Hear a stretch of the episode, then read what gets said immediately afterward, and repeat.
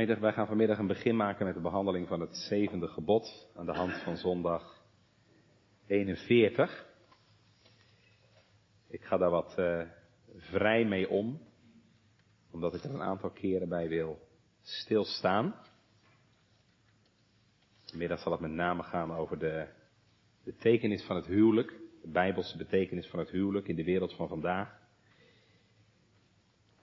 We gaan uh, samen lezen. Helemaal aan het begin van de Bijbel, Genesis 2. Dat handelt over het eerste huwelijk. Genesis 2. En u zal worden voorgelezen vanaf vers 15 tot en met 25.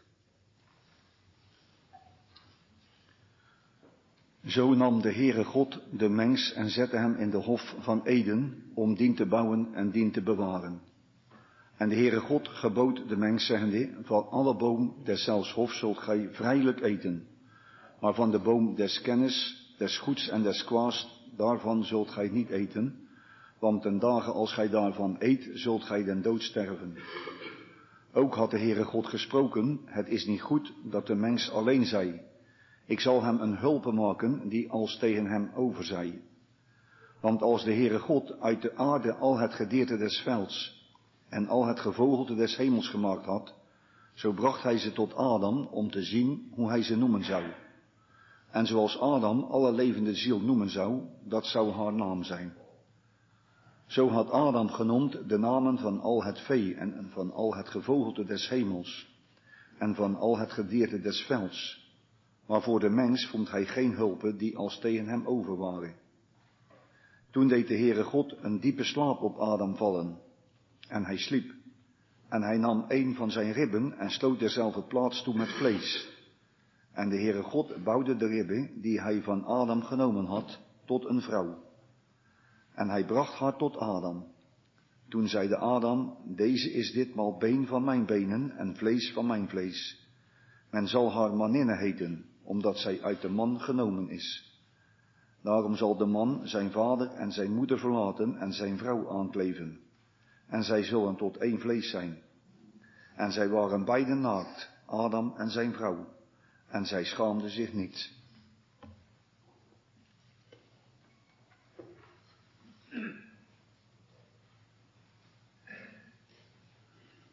Gaan we vanmiddag gemeente over zondag 41.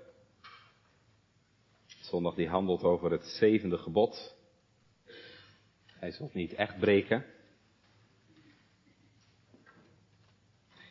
We gaan dat samen lezen, vraag 108 van 109. Vraag 108. Wat leert ons het zevende gebod? Antwoord dat alle onkuisheid door God vervloekt is.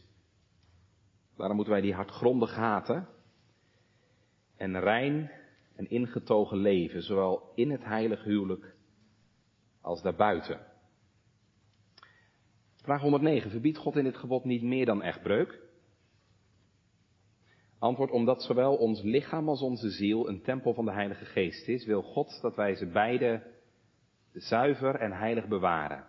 Daarom verbiedt Hij alle onreine daden, gebaren, woorden, gedachten, begeerten en wat de mens daartoe verleiden kan. Ja, gemeente, we gaan dus vanmiddag een uh, begin maken met de behandeling van het zevende gebod. En ik zal van mijn hart geen moordkuil maken. Ik zal u vertellen dat ik daar eerlijk gezegd best wel een beetje tegen opzie. En dan niet omdat ik het belang daarvan niet inzie. Want dat belang zie ik heel goed. Maar omdat ik in de voorbereiding dacht, ja, waar moet ik eigenlijk beginnen? En waar moet je eindigen? Hier ligt zoveel schuld, hier ligt zoveel verdriet, hier liggen zoveel vragen dat je bijna niet weet waar je beginnen moet. Ik weet dat uh, destijds dominee R. van Koot in Soest een hele uitgebreide prekenserie over de tien geboden hield. En dat hij er toen bewust voor koos om uh, bij het zevende gebod te beginnen. Die preken zijn later allemaal uitgegeven bij de hertog En alleen al de behandeling van het zevende gebod leverde twee deeltjes op. Nou, ik beloof u dat ga ik niet doen. Dat beloof ik u. Maar ik denk wel gemeente dat het nodig en wenselijk is als we hier een paar preken voor uittrekken. En dan zou ik met u in elk geval willen stilstaan bij het huwelijk. Ik zou willen stilstaan bij de rol van man en vrouw in het huwelijk. De vraag naar de ontbinding van het huwelijk. De echtscheiding. Huwelijk en seksualiteit. En ik zou in de laatste preek dan graag stil willen staan bij een aantal dilemma's van vandaag. Met name op het gebied van homoseksualiteit en transgenders. Hele actuele thema's waar ik denk dat het goed is om daar een keer aandacht aan te besteden.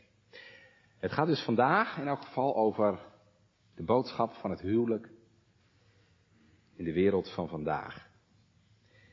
Ik heb twee punten. Het huwelijk vandaag en het huwelijk in de Bijbel. Gemeente, een jongetje moest eens de tien geboden leren.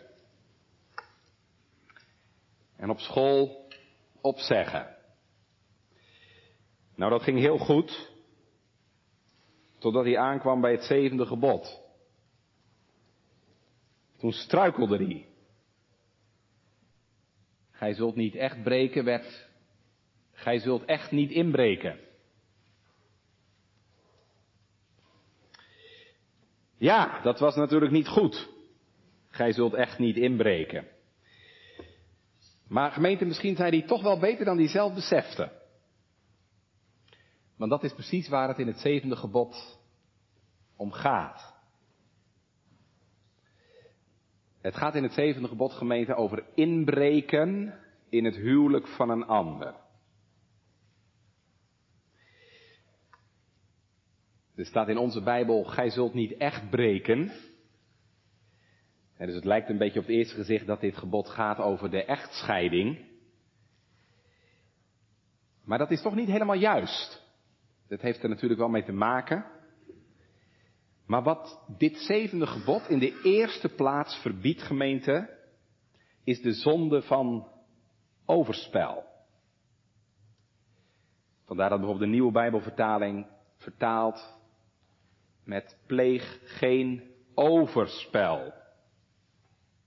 Gij zult geen overspel plegen. Dus overspel, seksuele gemeenschap hebben met een ander, terwijl jij zelf getrouwd bent of terwijl die ander getrouwd is, is blijkbaar zo'n ernstige zonde dat de Heere er een speciaal gebod aan wijdt in de tien geboden. Ja, het is ook een hele ernstige zonde. Deze zonde is zo ernstig gemeente dat de Heer Jezus in Matthäus 19 zegt dat dit de enige reden is waarom je een huwelijk zou mogen ontbinden. Overspel.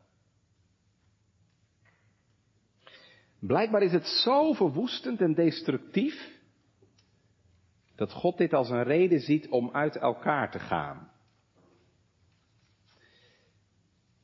Professor Mark Rooker, in zijn studie over de tien geboden, zegt dan ook dat overspel in het oude Midden-Oosten beschouwd werd als de grote zonde. En dan niet alleen maar dus in Israël, maar net zo goed bijvoorbeeld in uh, Babel of in Egypte. En hij vermeldt dat in vrijwel het hele Midden-Oosten de doodstraf de gewone straf was voor deze zonde.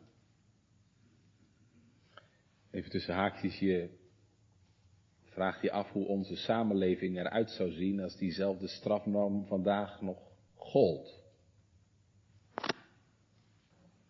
Als je realiseert dat volgens onderzoeken 40% van de vrouwen en 60% van de mannen vreemd gaan. Ik ben bang dat onze bevolking ernstig uitgedund raakt. Want gemeente, ontucht en overspel is in onze samenleving aan de orde van de dag. In uh, films, televisieprogramma's. En de programma's zijn erop ingericht, Temptation Island en noem maar op.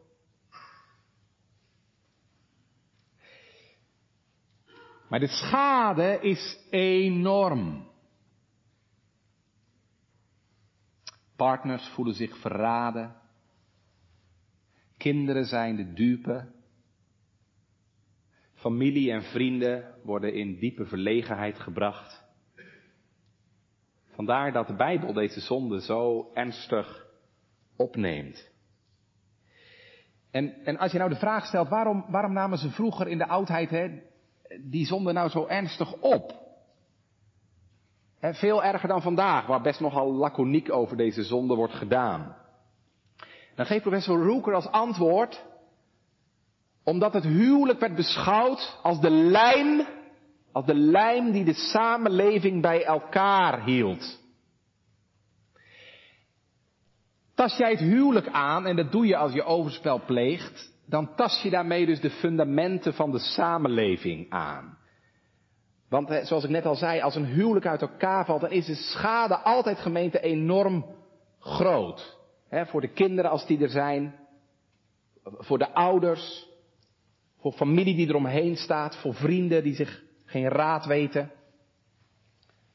Ik herinner me dat de ChristenUnie een aantal jaren geleden eh, een, een, poging deed om uh, relatietherapie vergoed te krijgen. Bij de verzekering. Om de enorme stortvloed aan scheidingen te verminderen. En ik herinner me ook dat er toen erg laconiek over gedaan werd, over dat voorstel. Want dat moet je toch zelf weten als je wil scheiden. Maar dan wordt dus uit het oog verloren gemeente dat scheiden, en overspel is een belangrijke reden tot scheiding, dat scheiden de samenleving echt miljarden kost. wat denkt u van al die extra huizen, hulp en hulpverlening? Ik heb het wel eens te doen als ik zie dat onze jonge mensen nauwelijks aan een woning kunnen komen. En er zoveel huwelijk uit elkaar vallen en mensen in twee huizen moeten gaan wonen. We kunnen er wel lacherig over doen, maar dit, ons egoïstische, zelfzuchtige gedrag veroorzaakt ook enorme schade. Dat is wel wat ik wil zeggen, financieel en natuurlijk ook emotioneel en psychisch. Want overspel heeft vaak grote gevolgen voor zowel de slachtoffers als de daders. u kunt denken aan depressies, een negatief zelfbeeld, verslavingen die het gevolg ervan zijn. Ook hiervoor geldt dat je nooit goedkoop zondigt. En het ergste is natuurlijk gemeente dat er iets fundamenteels wordt kapot gemaakt. Het verbond tussen twee mensen die elkaar liefde en trouw hebben beloofd. Vertrouwen dat soms voorgoed verwoest is. Ik zeg niet dat het nooit meer goed kan komen. Ik heb die voorbeelden gelukkig ook wel gezien in het pastoraat, dat het gelukkig toch goed kwam. Maar ook dan moet er vaak een hele diepe weg bewandeld worden. Nou, vandaar dat de Heer zegt, gij zult geen overspel plegen. Je zou kunnen zeggen dat de negatieve kant van dit gebod. De positieve kant is natuurlijk, wees zuinig op het huwelijk. Wees zuinig op het huwelijk. Nou, zo wil ik vanmiddag gemeente vooral bij dit gebod stilstaan. als een positief, ja, als een positief appel, als een positieve oproep om zuinig te zijn op het huwelijk. Op dat van jezelf, als je getrouwd bent, en op dat van anderen. Het eerste wat ik ervan wil zeggen, gemeente, is, het huwelijk wordt in de Bijbel hoog aangeslagen. Betekent niet, betekent niet dat het de enige levensvorm is waarin je kunt leven. je ziet met name in het Nieuw Testament ook wel een zekere relativering van het huwelijk. Het is zeker niet de enige manier om het leven door te brengen. En we lezen ook over mensen die de gave van onthouding hebben gekregen. En mensen zoals Paulus. En niet te vergeten natuurlijk de Heer Jezus zelf, de heiland. He? Dat laat zien dat ook zonder een huwelijk je leven zeker niet minder betekenisvol hoeft te zijn. je bent tenslotte niet minder mens als je niet getrouwd bent. Kijk alleen maar naar de Heer Jezus. De meest volwaardige mens die ooit geleefd heeft. Toch was hij niet getrouwd. Al is natuurlijk zeker waar dat het ook een verdriet en een beproeving kan zijn in je leven. Als het verlangen naar een huwelijk er wel is. Het kan een hele strijd zijn in je leven om te aanvaarden dat dat Gods weg met je is. Maar hoewel niet iedereen trouwt, of hoeft te trouwen, is de Bijbel wel heel positief over het huwelijk. Er staat in Hebreeën 13, het huwelijk is eerlijk. Dat wil zeggen, het een beetje oud-Nederlands, het is onze eer waard. Hou het huwelijk in ere, zegt Hebreeën 13. En wie een vrouw gevonden heeft, zegt de spreukendichter, heeft iets goeds gevonden. Hoe belangrijk het huwelijk is in de Bijbelgemeente, kun je wel daaraan zien, denk ik, hè, dat we hebben het net gelezen dat de Bijbel zowat begint met een huwelijk. In Genesis 1 en 2. En ook, ik heb dat twee weken geleden ook al gezegd, dat de Bijbel ook eindigt met een huwelijk, hè? Openbaringen 22. De Bijbel begint met een huwelijk van Adam en Eva en de Bijbel eindigt met een huwelijk, met de bruiloft van het lam. Je zou gerust kunnen zeggen, ik kom er straks nog wel even op terug, dat het huwelijk het grote thema van de Bijbel is. Dat klinkt misschien een beetje raar dat ik dat nu zeg, maar dat zal ik straks wel uitleggen. Dan zullen we zien dat ja, het huwelijk niet alleen maar belangrijk is in de relatie tussen mensen. Nee, het huwelijk is ook een beeld van het evangelie. Het huwelijk is een beeld, zegt de Bijbel, van de relatie tussen God en zijn volk. Een beeld van de relatie tussen Christus en de gemeente. Zo belangrijk is het huwelijk. Een plaatje van het evangelie. Kom nog op terug. Daarom is het zo aangrijpend, gemeente, dat het huwelijk vandaag zo onder druk staat. Je kunt gerust zeggen, in 2022 heeft het huwelijk het moeilijk. En naarmate onze samenleving is weggegroeid van God en van de Bijbel en van de kerk en het geloof, zijn we ook heel hard weggegroeid van het huwelijk. En dat is het eerste waar ik even bij u, met u bij wil stilstaan. Even kijken naar het huwelijk vandaag. Wat is de wereld waarin wij leven? Hoe kijken mensen er tegenaan? Ja, dan kun je gerust zeggen, gemeente, het huwelijk heeft het moeilijk. Om even een paar voorbeelden, ik ga, ga even wat getallen noemen. Dat, dat maakt het even concreet, hè. Um, twintig jaar geleden, twintig jaar geleden, dus rond het jaar 2000, werden er in Nederland gemiddeld nog zo'n 85.000 huwelijken gesloten. 85.000 huwelijken, 20 jaar geleden. Dat ligt op dit moment rond de 50.000. Zijn we 20 jaar verder, een daling van 35.000. Tegelijk, dat zie je ook, tegelijk zie je dat het aantal mensen dat gaat samenwonen, of dat kiest voor een geregistreerd partnerschap, steeds meer toeneemt. Weer even een getalletje. Rond het jaar 2000, 20 jaar geleden, waren er nog maar 3000 geregistreerde partnerschappen. Dat aantal ligt momenteel al rond de 20.000. Dat is een verzevenvoudiging in 20 jaar. Dus we zien dus een daling van het aantal huwelijken en een stijging van het aantal geregistreerde partnerschappen. En dan is er ook nog een hele grote groep die wel gaat samenwonen, maar helemaal nooit trouwt of voor een geregistreerd partnerschap kiest. En ook dat gaat heel hard.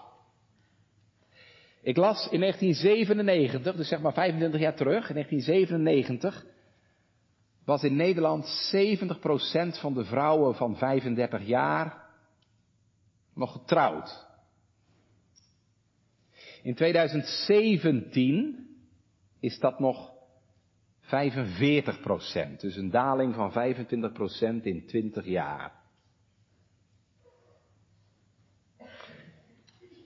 En dan is er nog iets wat ik moet vertellen. al worden er dan in Nederland gelukkig elk jaar nog 55.000 huwelijken gesloten. Er worden elk jaar ook weer zo'n 30.000 huwelijken ontbonden. Vanwege echtscheiding. Eigenlijk is dat natuurlijk verbijsterend als je deze getallen op je in laat werken. Eh, 55.000 huwelijken gesloten, 30.000 ontbonden. Er stond vorig jaar in het NRC, NRC Handelsblad. Scheiden wordt de norm. Scheiden wordt de norm. Kortom, het huwelijkgemeente is in zwaar weer terechtgekomen. Hoe komt dat? Kunnen heel veel dingen noemen, maar ik denk dat het belangrijkste antwoord vanmiddag is. En dat is de secularisatie. Ja, als je even 100 jaar geleden teruggaat. Nou, je kunt geruststellen, 100 jaar geleden in Nederland. Eh, was het huwelijk de enige manier om als man en vrouw samen het leven te delen. Vandaag is het huwelijk slechts een van de vele mogelijkheden. Je kunt samenwonen met geregistreerd partnerschap, je kunt samenwonen zonder geregistreerd partnerschap. Je kunt nog trouwen dan. En waar honderd jaar geleden er nog heel veel mensen waren, ja, die ervan overtuigd waren dat het Gods bedoeling was dat je zou trouwen, is dat voor heel veel mensen vandaag helemaal geen issue meer. En dat is echt al lang niet meer iets van de grote steden alleen. Dit kom je hier op het dorp net zo goed tegen. ook hier zijn heel wat jongeren die niet meer automatisch voor een huwelijk kiezen. Ook onze jongeren. Jongeren met een gedoopt voorhoofd. En een heel belangrijke factor daarin, ja, het is vanmiddag misschien een beetje gemeente wat uh, af en toe wat geschiedenis, maar ik vind het wel belangrijk. Ik vind achtergrond altijd belangrijk. Hoe zijn we hier nou gekomen? Hoe, hoe komt het nou dat we hier zitten? Deze ontwikkelingen plaatsvinden. Nou, een heel belangrijke factor daarin, gemeente, is wat we wel noemen de seksuele revolutie. seksuele revolutie in de jaren 60 van de vorige eeuw, zeg maar zo'n 60 jaar geleden. Ik durf gerust te zeggen, dat is een van de meest ingrijpende gebeurtenissen geweest in de geschiedenis van heel de mensheid, de seksuele revolutie. El Moller, een van de grootste christelijke denkers van dit moment, heeft daar een paar jaar geleden een boek over geschreven, een heel belangrijk boek. En dan noemt hij vier veranderingen, ik heb ze ook even kort eh, op de handout gezet, vier veranderingen die de, waar de seksuele revolutie voor heeft gezorgd.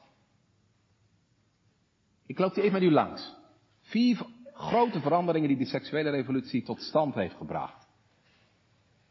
Hij zegt, um, in de eerste plaats, de seksuele revolutie heeft ervoor gezorgd, en dat was echt voor het eerst in de geschiedenis, uh, dat anticonceptie vrij beschikbaar komt. Dus voor het eerst in de geschiedenis is het mogelijk om seks te hebben zonder kinderen te krijgen.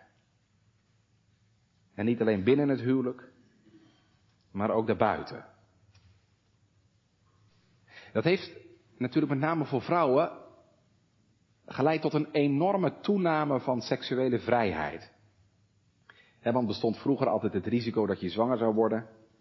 Als je seks had buiten het huwelijk, ja, dat, dat risico is ineens voorbij met anticonceptie. Dat is het eerste. Het tweede wat hij noemt, en dat is uiteraard een direct gevolg hiervan, is een, en dat zie je ook gebeuren in de jaren 60, enorme afname van het aantal kinderen dat geboren wordt. In West-Europa en in Amerika. Als je naar statistieken kijkt sinds de jaren 60, dan zie je een enorme afname van het aantal kinderen per vrouw. Sociologen noemen dat wel de zogenaamde pillenknik. De pillenknik. Een gevolg van de beschikbaarheid van de pil. En het is verbazingwekkend, denk ik, hoe makkelijk ook christenen deze ontwikkelingen geaccepteerd hebben. El Moller zegt 60 jaar later, het is schokkend als je nu terugkijkt en ziet hoe weinig discussie daar eigenlijk over was, ook onder orthodoxe christenen. Terwijl gemeente, als je naar het geheel kijkt, je denk ik alleen maar kunt concluderen dat hier een geest achter zit die niet uit God was. Ik kom er nog wel op terug. Want die beschikbaarheid van anticonceptie leidde ook tot een enorme seksuele promiscuïteit en losbandigheid.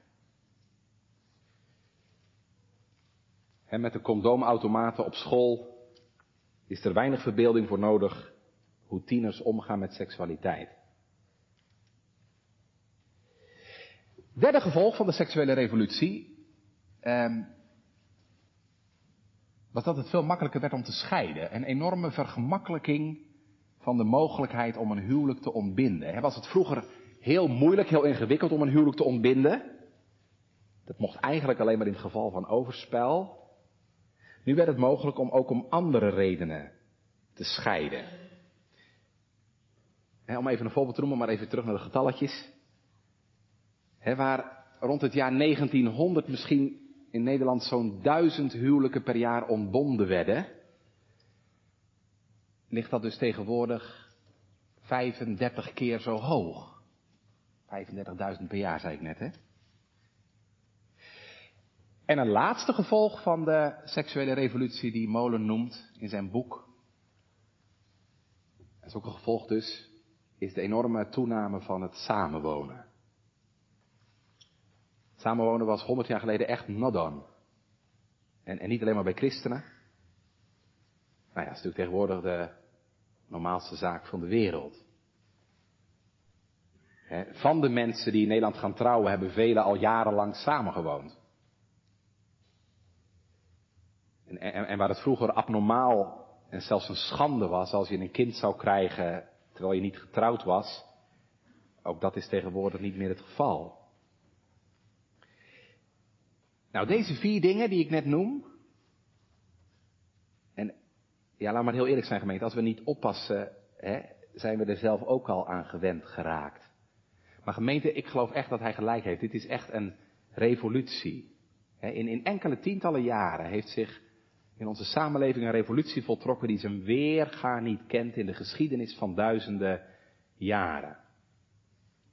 Moller zegt, laat ik nog één keer citeren, waar eeuwenlang het huwelijk gezien werd als de norm, de verwachting en het kenmerk van volwassenheid, en ook de enig sociaal geaccepteerde context voor seksuele gemeenschap en voortplanting, is deze morele overtuiging en sociale visie van duizenden jaren in enkele decennia, enkele tientallen jaren uitgewist, compleet uitgewist.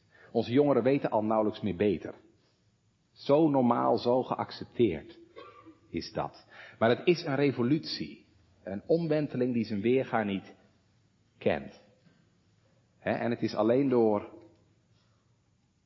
nauwkeurig en zorgvuldig te luisteren naar de Bijbel dat je tegen deze stroom kunt ingaan. En ontdekken dat Gods bedoeling anders is. Daar wil ik graag nu in de tweede plaats met u naar kijken. Ik wil vooral met u gaan kijken nu naar het mooie plan van God. Met het huwelijk van man en vrouw. Dan gaan we kijken naar het huwelijk in de Bijbel. Ja, dan gaat het dus om de vraag, wat is nou Gods visie? Wat is nou Gods visie op het huwelijk? We hebben net gekeken hoe de samenleving er tegenaan kijkt, maar ik vind natuurlijk voor ons veel belangrijker de vraag, wat zegt God hiervan? Nou, heb ik al gezegd, hè? Dan kunnen we gerust concluderen, God vindt het huwelijk enorm belangrijk. Professor Ortlund, die een boek schreef over het huwelijk in de Bijbel, zegt het huwelijk is niet maar één thema naast andere thema's. Nee, zegt hij, het is het centrale thema in de Bijbel, waaronder alle andere thema's hun plek vinden. Nou, dat is natuurlijk best wel een hele boude bewering, hè? Als hij zegt dat het huwelijk het centrale thema van de Bijbel is. En toch geloof ik gemeente dat hij gelijk heeft. Want denk eens mee. Waarom is de wereld er? Waarom is de wereld er? Waarom heeft de Heere de wereld geschapen? Waar gaat het uiteindelijk om? Waar draait het uiteindelijk om?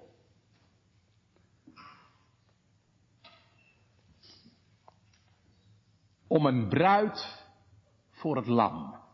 Gemeente, om een bruid voor het lam. Dat is waar het uiteindelijk allemaal om draait.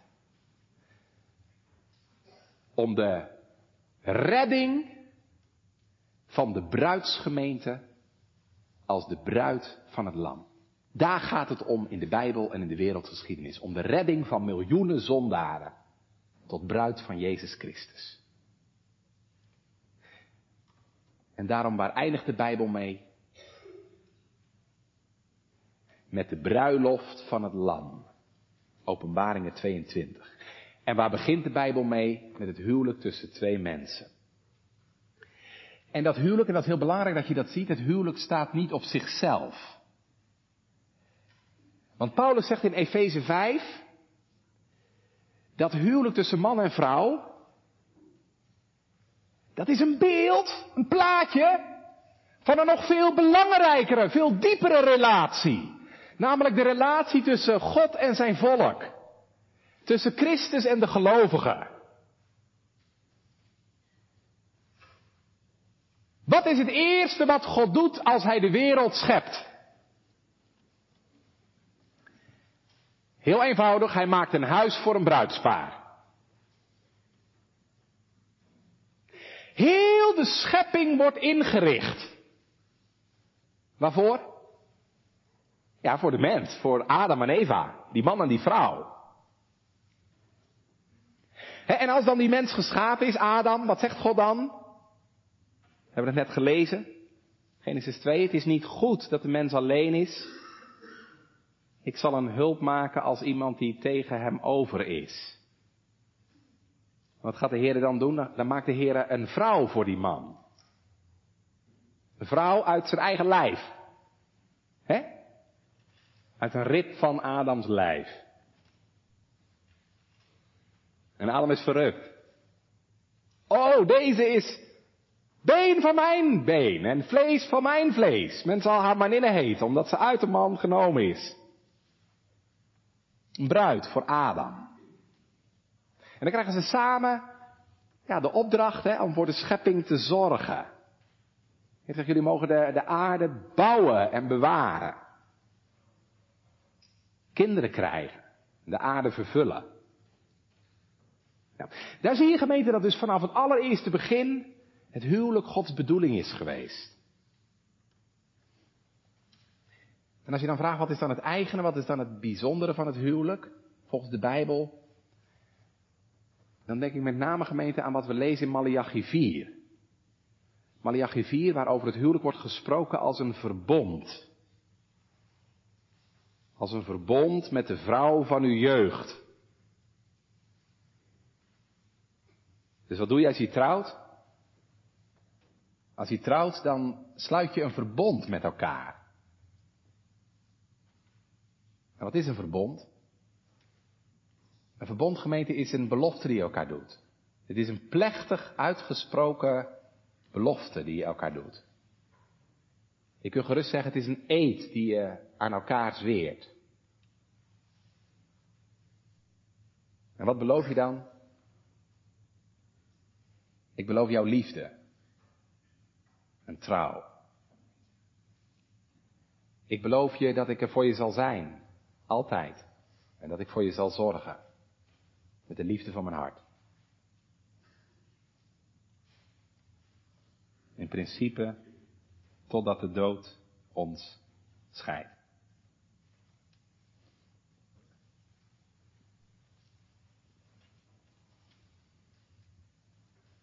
Dan heb je gelijk ook weer, denk ik, een belangrijk verschil met, met een samenlevingscontract.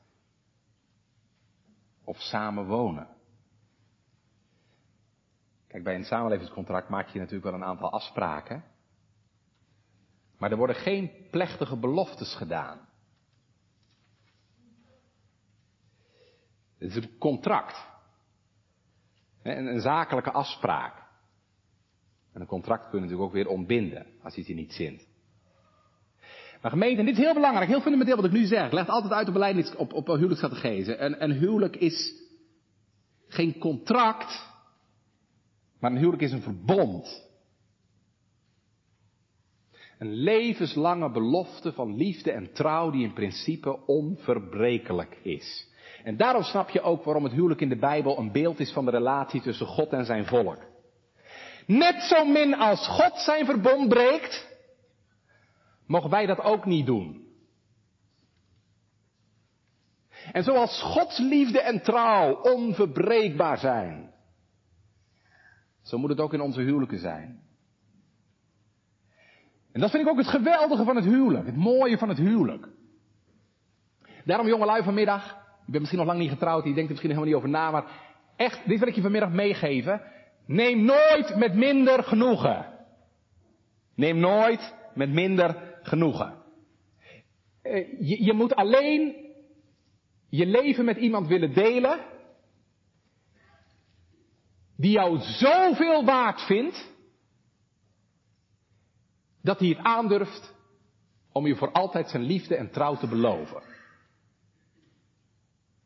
En als iemand tegen je zegt, dat vind ik spannend, dat durf ik niet, want ja, er is geen escape, er is geen weg terug.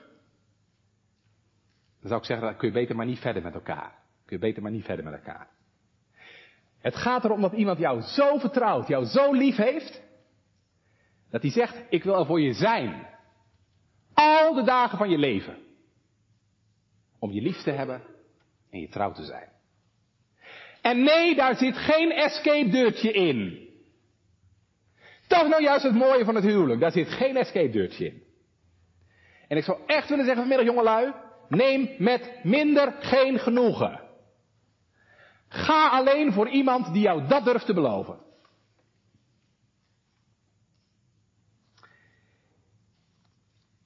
Ja, als het gaat om het huwelijk,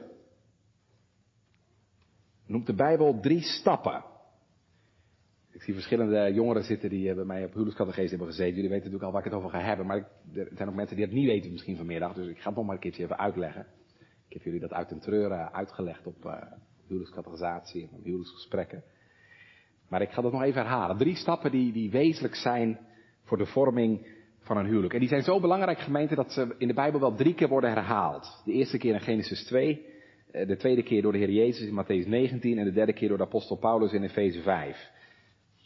Wat zijn die drie stappen? Nou, ik zal die tekst noemen, we hebben hem straks gelezen. Daarom zal een man zijn vader en moeder verlaten, zich aan zijn vrouw hechten of zijn vrouw aanhangen. En zij zullen tot één vlees zijn. Nou, daar heb je de drie stappen die wezenlijk zijn voor een huwelijk. De eerste stap is je vader en moeder verlaten. Je verlaat je ouderlijk huis. Niet altijd, soms dan woon je al op jezelf, maar hè, ook wel dat je gewoon nog bij je ouders woont. Je, je verlaat je ouderlijk huis om samen een nieuw gezin te gaan vormen. Vervolgens, dat is stap 2, vervolgens hecht je je aan elkaar. En hij zal zich aan zijn vrouw hechten. Dat slaat op je plechtige ja-woord. En daardoor word je onlosmakelijk aan elkaar gehecht. Ik leg het altijd uit aan bruidsparen. Hè, dat woordje hechten, dat weten jullie wel. Dat heeft in het Hebreeuws te maken met lijm. Door je ja-woord te geven wordt hij als het ware aan elkaar gelijmd. Aan elkaar vastgelijmd. Dat kun je dan ook niet meer losmaken. Ja, dat kun je wel doen, maar dan ontstaat er altijd schade. als je twee vellen papier die met lijm aan elkaar vastgeplakt zijn, vervolgens gaat losmaken, ontstaat er altijd schade. Zul je altijd scheuren zien in het papier. Dat, dat zie je ook echt hè, in, in, in de werkelijkheid. Als mensen een scheiding moeten ondergaan, dat gaat hen niet in de koude kleren zitten. Want je bent heel diep aan die persoon verbonden geweest. En dat leidt altijd tot schade als je dat lostrekt. Dat is stap 2. Hij zal zich aan zijn vrouw hechten. En dan stap 3. En die twee zullen tot één vlees zijn. Gaat natuurlijk over seksuele, seksuele intimiteit. Maar dat beperkt zich natuurlijk niet alleen maar tot het lichamelijke. Het gaat erom dat je ja, op alle terreinen van het leven een eenheid wordt. Lichamelijk, maar ook geestelijk, emotioneel. Nou, dat is Gods plan voor het huwelijk. Heb je trouwplannen? Goed luisteren. Je vader en moeder verlaten, samen een nieuw gezin te vormen. Je aan elkaar hechten door de belofte van liefde en trouw te geven en vervolgens één worden. Het is een volgorde gemeente die ook niet om mag draaien. Hè? Het is niet uh, één worden en dan later nog eens een keer de belofte van liefde en trouw geven.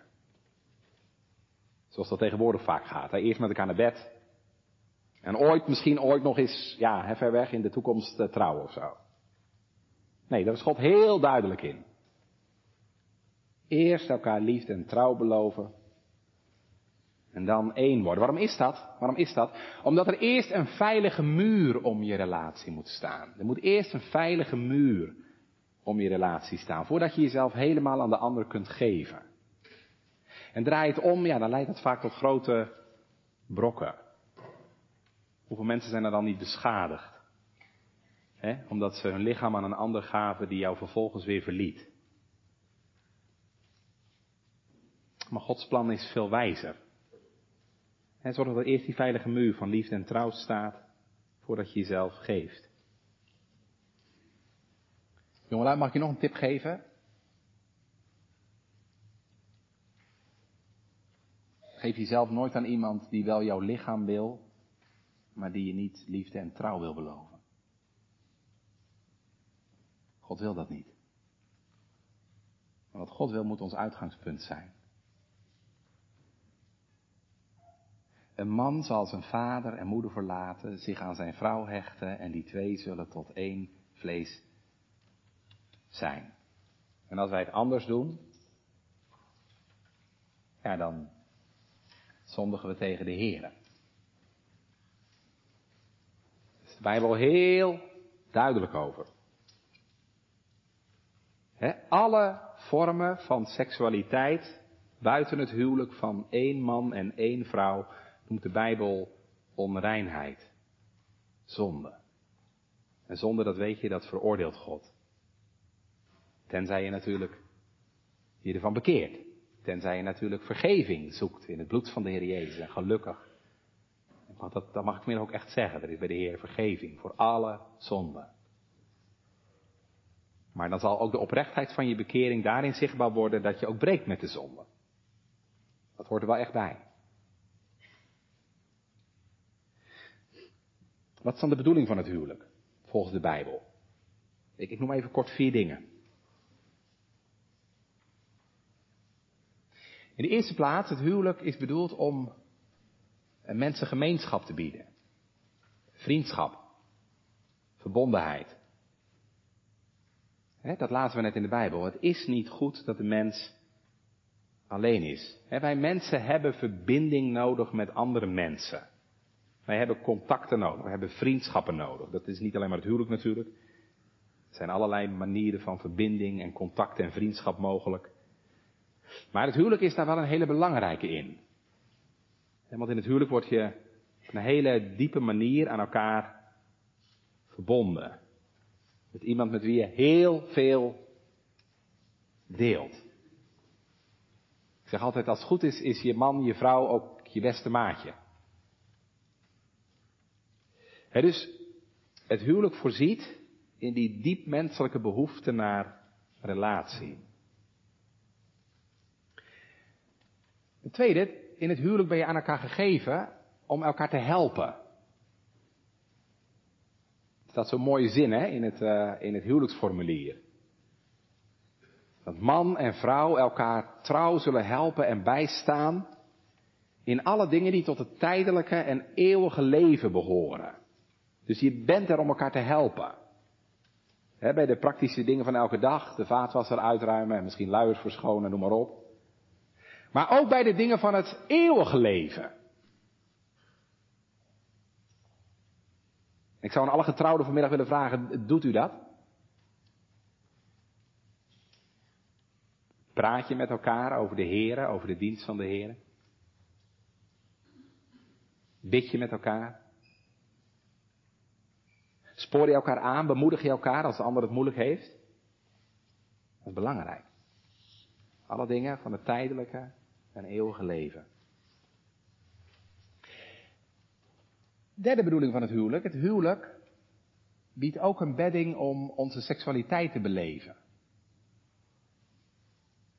De meeste mensen, ik zeg de meeste mensen, niet allemaal, maar wel de meeste, hebben seksuele verlangens. Er is niks mis mee. Want zo heeft God ons gemaakt.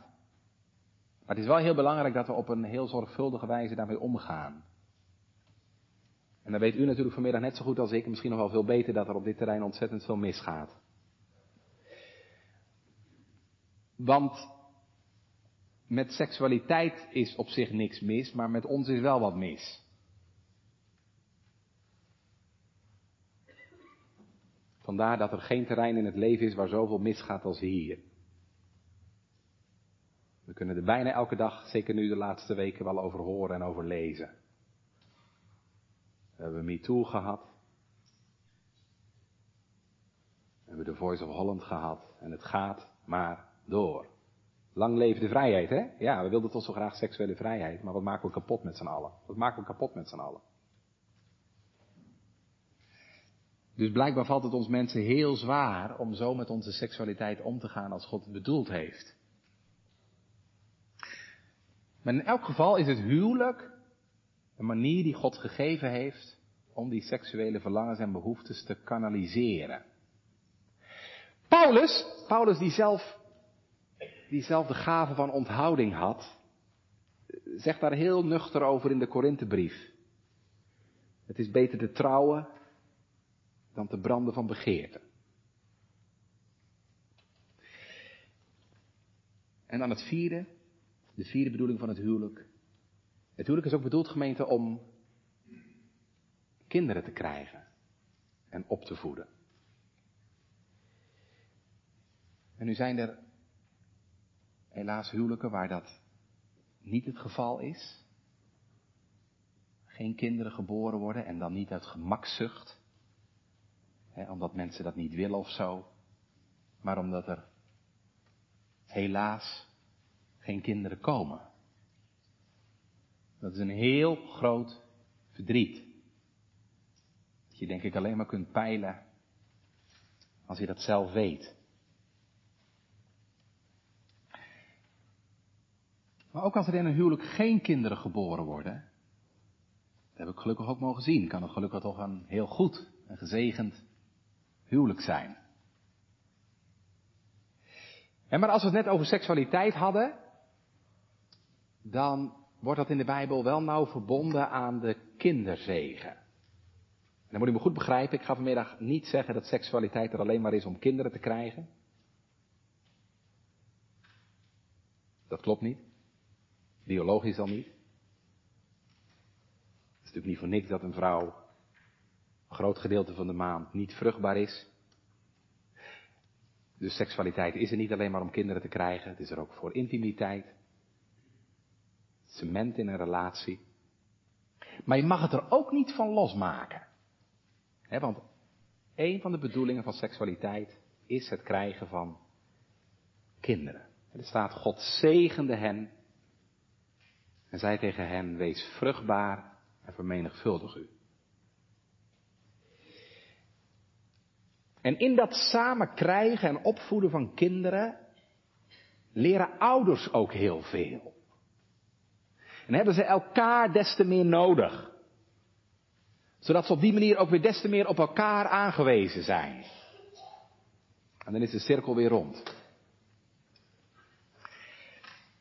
Nou, dat zijn de vier bedoelingen, gemeente, die we in de schrift aantreffen van het huwelijk. Verbondenheid, hulp, seksualiteit, kinderzegen. En dan ga ik afronden. Dan wil ik nog één ding zeggen. Iets heel belangrijks.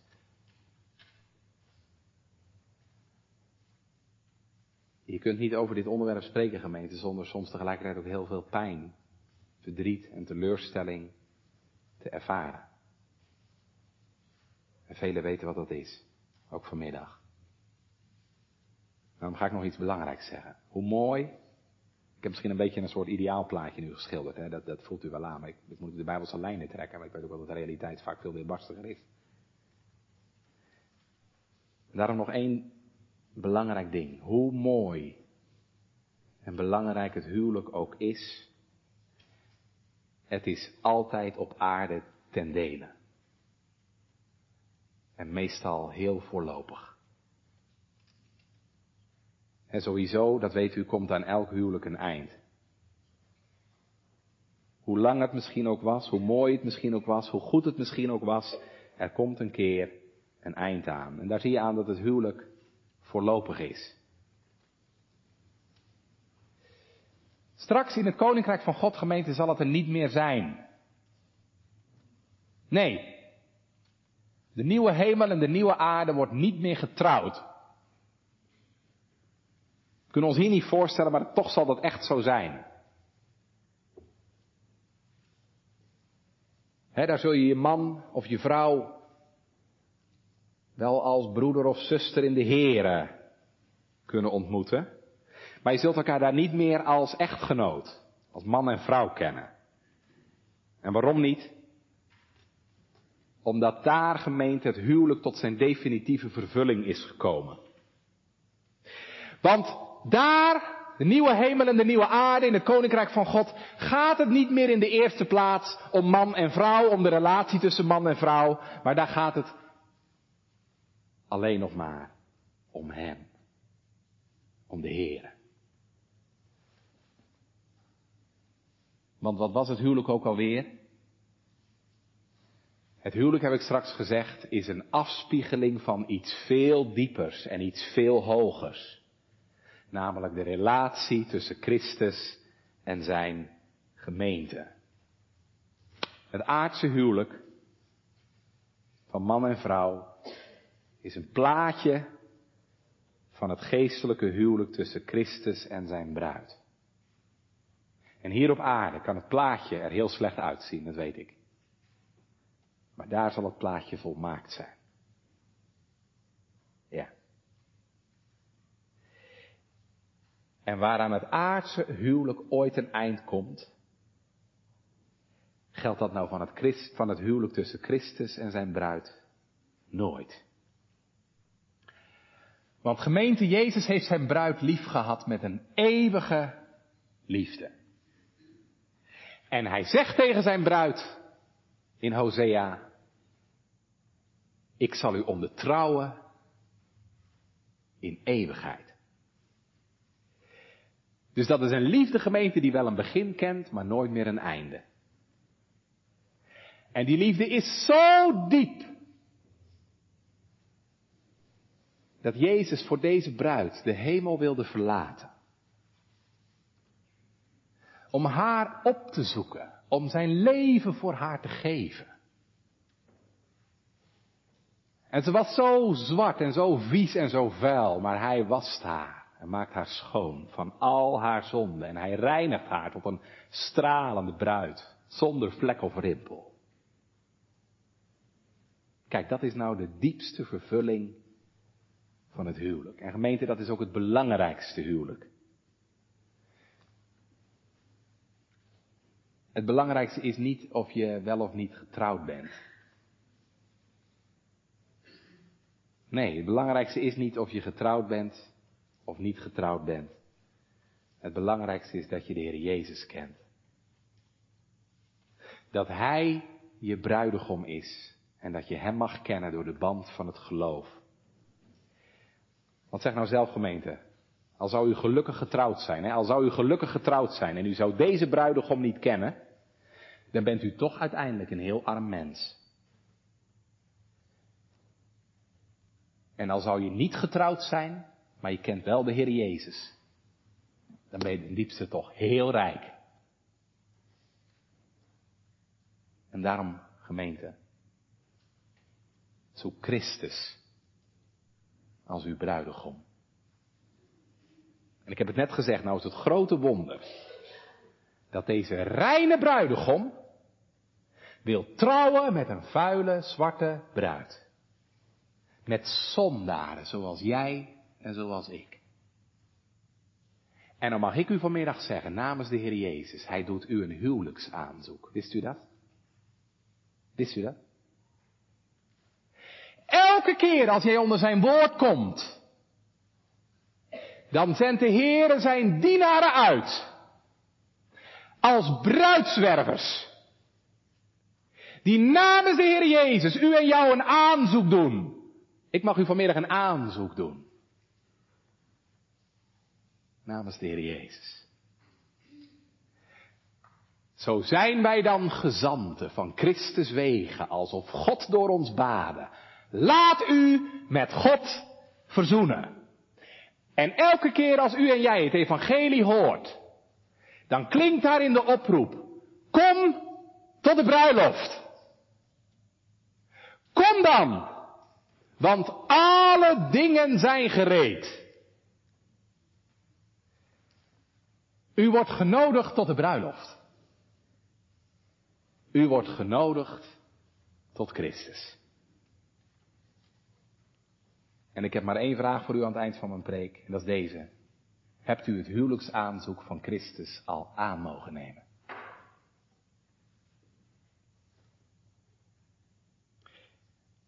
Hé, hey, dat is toch het beste aanzoek wat je krijgen kunt. Wat kunt u daar nou op tegen hebben? Hij wil u hebben, zo zwart en vuil als u bent. En hij wil zichzelf aan jou schenken. En je in al zijn rijkdom, genade, liefde en ontferming laten delen.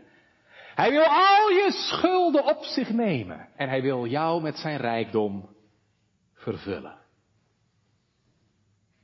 En als straks, over een poosje, dit aardse leven voorbij is, dan zal hij zijn bruid eeuwig tot zich nemen.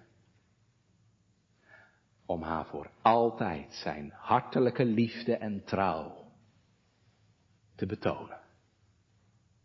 Oh, wat een dag zal dat zijn. Dan wordt het waar. Straks leidt men haar in statie uit haar woning, in kleding rijk gestikt tot haar koning. Zo treedt zij voort met al de maagdenstoet die haar geleidt. Hem vrolijk tegemoet. Ik zou zeggen, zorg dat u erbij bent.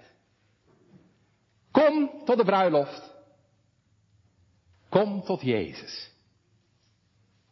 Die het nog zegt, ook vandaag, tegen ieder die tot hem de toevlucht neemt. Ik zal u mij ondertrouwen in eeuwigheid. En ik zal u mij ondertrouwen in geloof.